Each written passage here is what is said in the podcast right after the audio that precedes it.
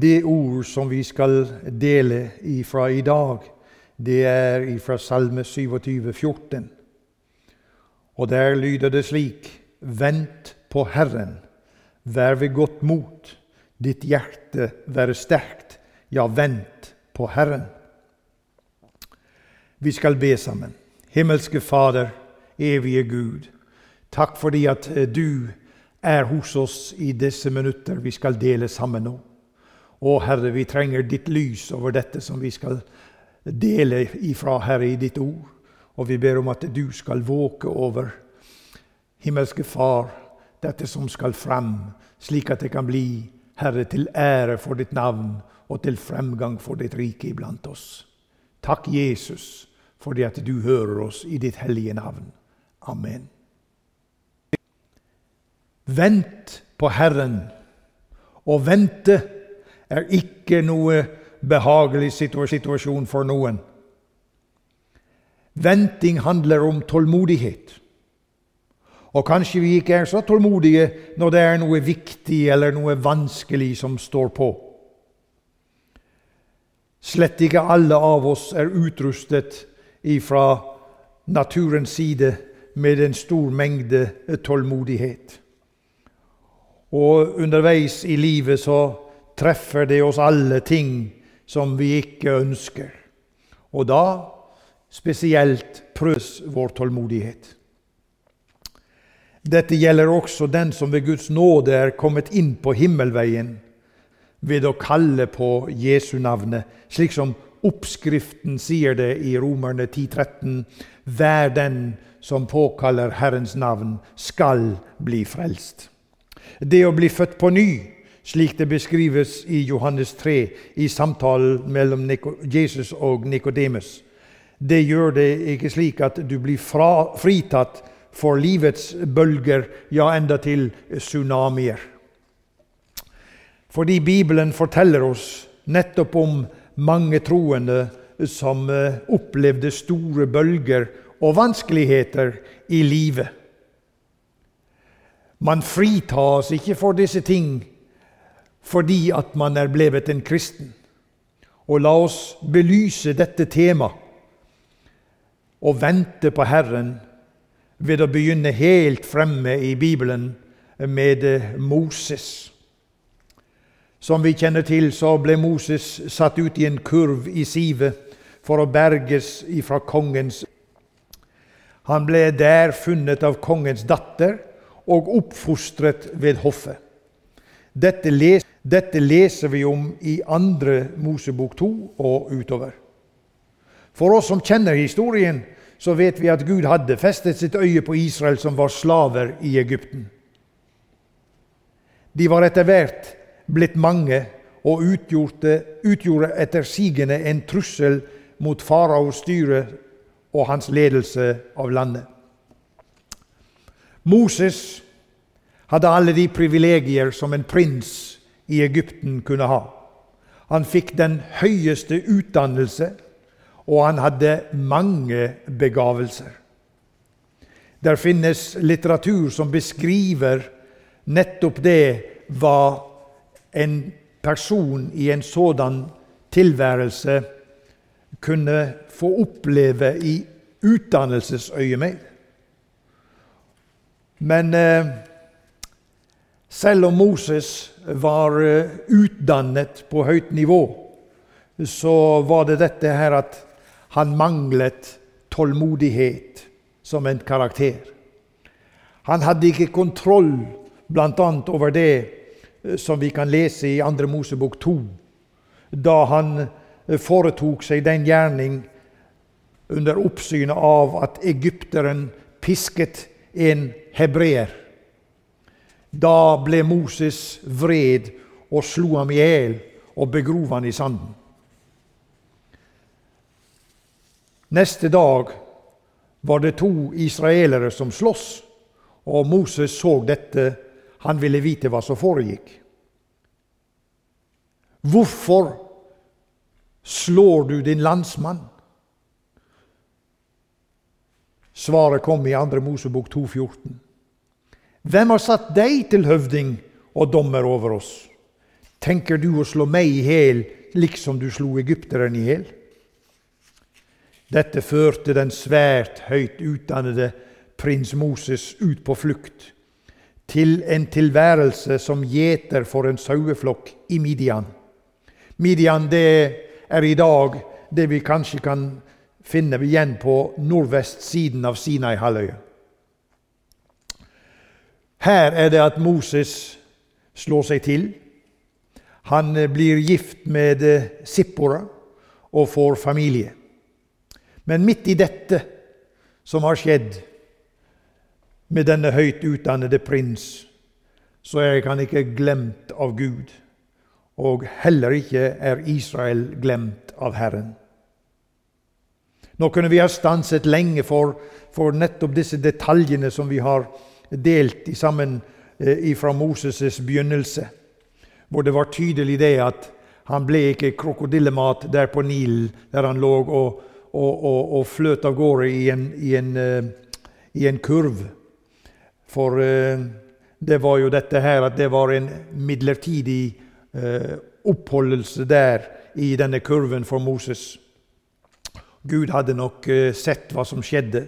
Han hadde valgt ut både hans foreldre og også familien for øvrig til en tjeneste lenge før noen av dem var påtenkt, og lenge før de var kommet inn i denne verden.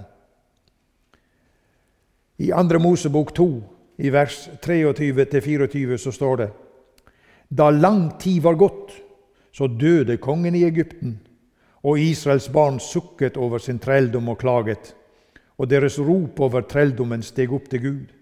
Og Gud hørte deres sukk, og Gud kom i hu sin pakt med Abraham, Isak og Jakob. De faktiske forhold er at nå har Moses vært i ørkenen som sauegjeter og familiefar i 40 år. 40 år! Kanskje vi skulle tenke å gå og traske og trave bak en saueflokk og lede de fra den ene beitemarken til den andre, at det var bortkastet tid av en så høyt utdannet og begavet person som Moses. Gud hadde en plan med dette. Der ute i ensomheten fikk Moses et møte med den levende Gud. Nå hadde Gud gitt ham 40 år med daglig tråkking i forferdeligheter og ubekvemmeligheter sammen med noen sauer. Moses er nå blitt 80 år gammel. Guds timing er nemlig ikke lett å forstå. Han bruker umåtelig med tid, 40 år, for å forme Moses. Ventetid det er noe som vi kan kalle for et verktøy i Guds hånd, som han bruker fordi at vi bl.a. skal bli brukbare som budbærere for Herren. Til dette må vi formes.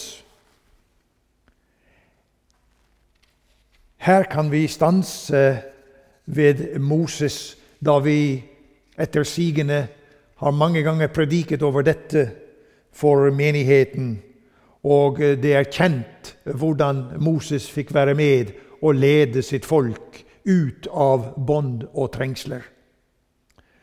Og Derfor skal vi gå til en annen kjent person i Skriften som også opplevde dette og måtte vente. Vente til ting var på plass i henhold til Guds plan. Den plan som Gud hadde lagt i himmelen for han som senere ble kong David. Denne unge gutten som ble salvet av alle sine brødre, så var det han som eh, profeten Samuel eh, salvet til konge over Israel. Og Vi kan eh, lese videre om Davids situasjon, hvor Herren bruker 13 år for å utdanne David i dette å vente, i dette å være tålmodig, på flukt, under svært vanskelige forhold. Ifra en kong Saul som kun var ute etter én ting, da han så han som en fare for sitt kongedømme og videreføringen av dette. Han ville drepe. Så David han levde livet i stadig angst for å miste det mest dyrebare han hadde, nemlig sitt eget liv. Og for den som har vært på de trakter som David eh, gikk omkring og gjemte seg for kong Saul, så kan vi jo si at det var neimen ikke en tilværelse i overdådighet som en fremtidig konge. Det var ufattelige, vanskelige forhold der i den heten og den varmen som er på disse stedene. Vi kan ta for oss enda en som det beskrives om i første kongebok 17, der han òg må flykte for sitt liv etter å ha forkynt Guds ord til kong Akab og hans dronning Jezebel. Elias beskrives at han ble, han ble værende ved bekken Krit i årevis. Ikke en tilværelse eh, med eh, luksus og bekvemmeligheter. Nei, i første kongebok 17,4 leser vi at han fikk beskjed om at gå til bekken Krit, og ravnene skal forsørge deg. Ja, vi kan bare tenke oss inn i en situasjon som det. Han var fullstendig avskjært fra sivilisasjonen og det som finnes der av nødvendig forråd.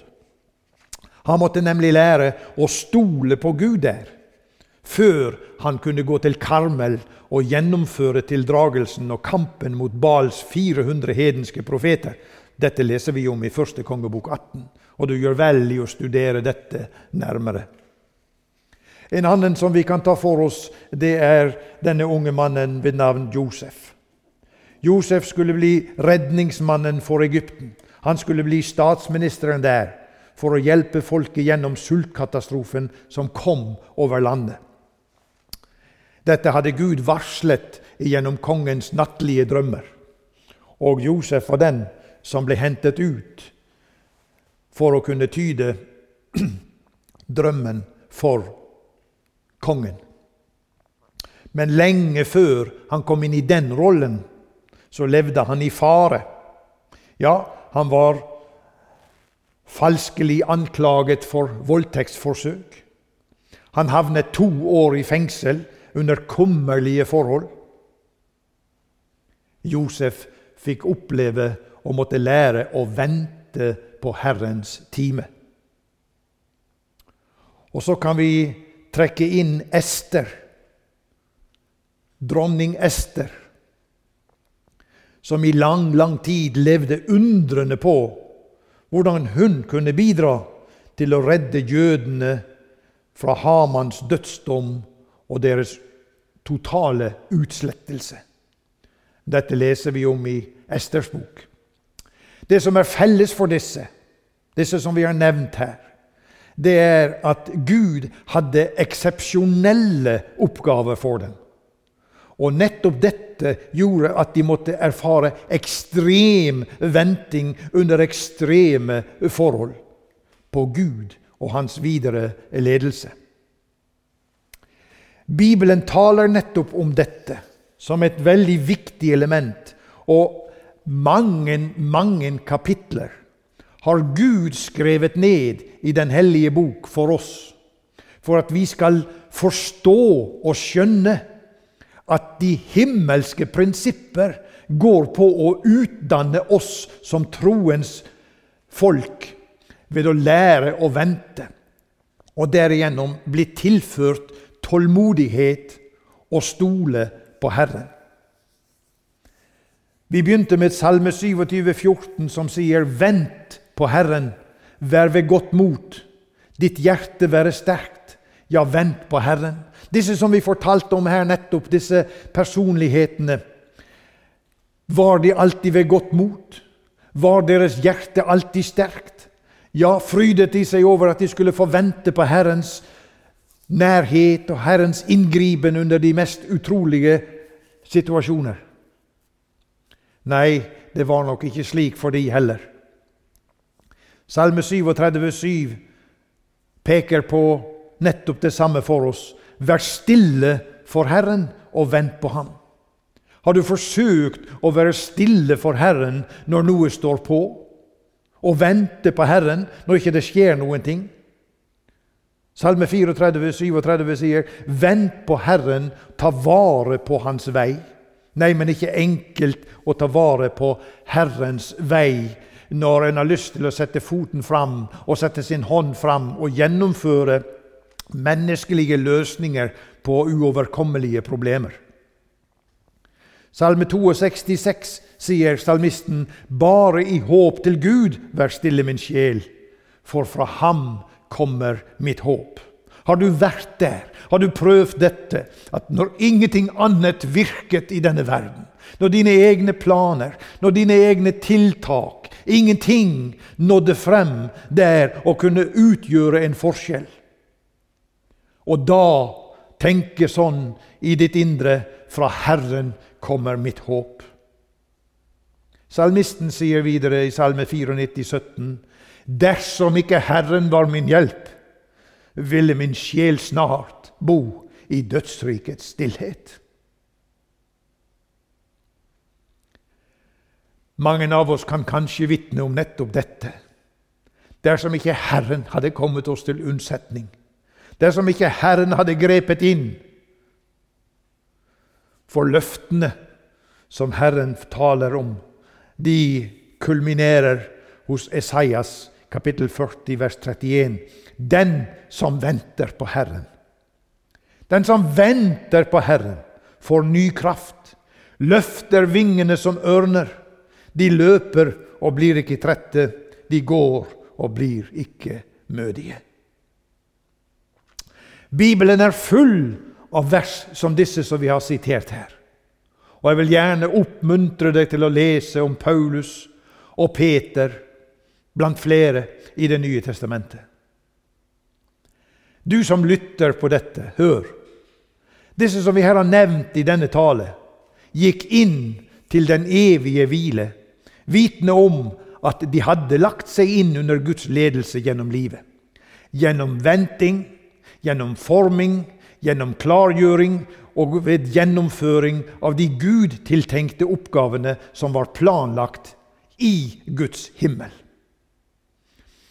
Dette er også min og din utfordring. Vanskelig? Ja, men for Gud er det mulig å få det til. Over oss som er troens folk, så hviler det en sannhet. I Salme 36,6 leser vi Herre, til himmelen når din miskunnhet, din trofasthet inn til skyene. Og nettopp derfor er disse ting mulig. Vi begynte denne andakt med sangen 'Jeg har vandret med Jesus' under vekslende tider og kår. Kanskje det er slik nettopp for deg nå, du som lytter, at du spør hvor er Gud? Hvor er du, Gud? Jeg vil gjerne henvise deg til å se litt i Esekiel 1, som kanskje er et i utgangspunktet vanskelig skriftsted å ta for seg og forstå. Men det forteller i korthet om at Gud var nær sitt folk under den ytterste trengsel i fangenskapet i Babel, og slik også i dag. Noen stans Blant alle skuggorna står Jesus. Nettopp for å høre Om du vil åpne ditt hjerte og rope til Herren i din nød, gjerne sammen med noen du har tillit til. Vi synger i en sang, og jeg vil gjerne avslutte med det. Og at eh, jeg kjenner av erfaring en som kan mer enn det vi forstår å be om. Lytt derfor til sangen som kommer nå, i Jesu navn. Amen.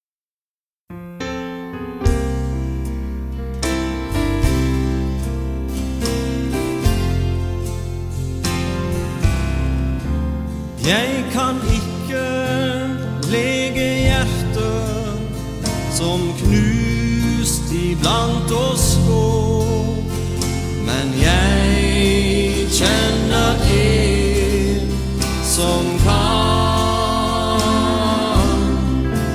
Jeg kan ikke fjerne synden, rense sjelen.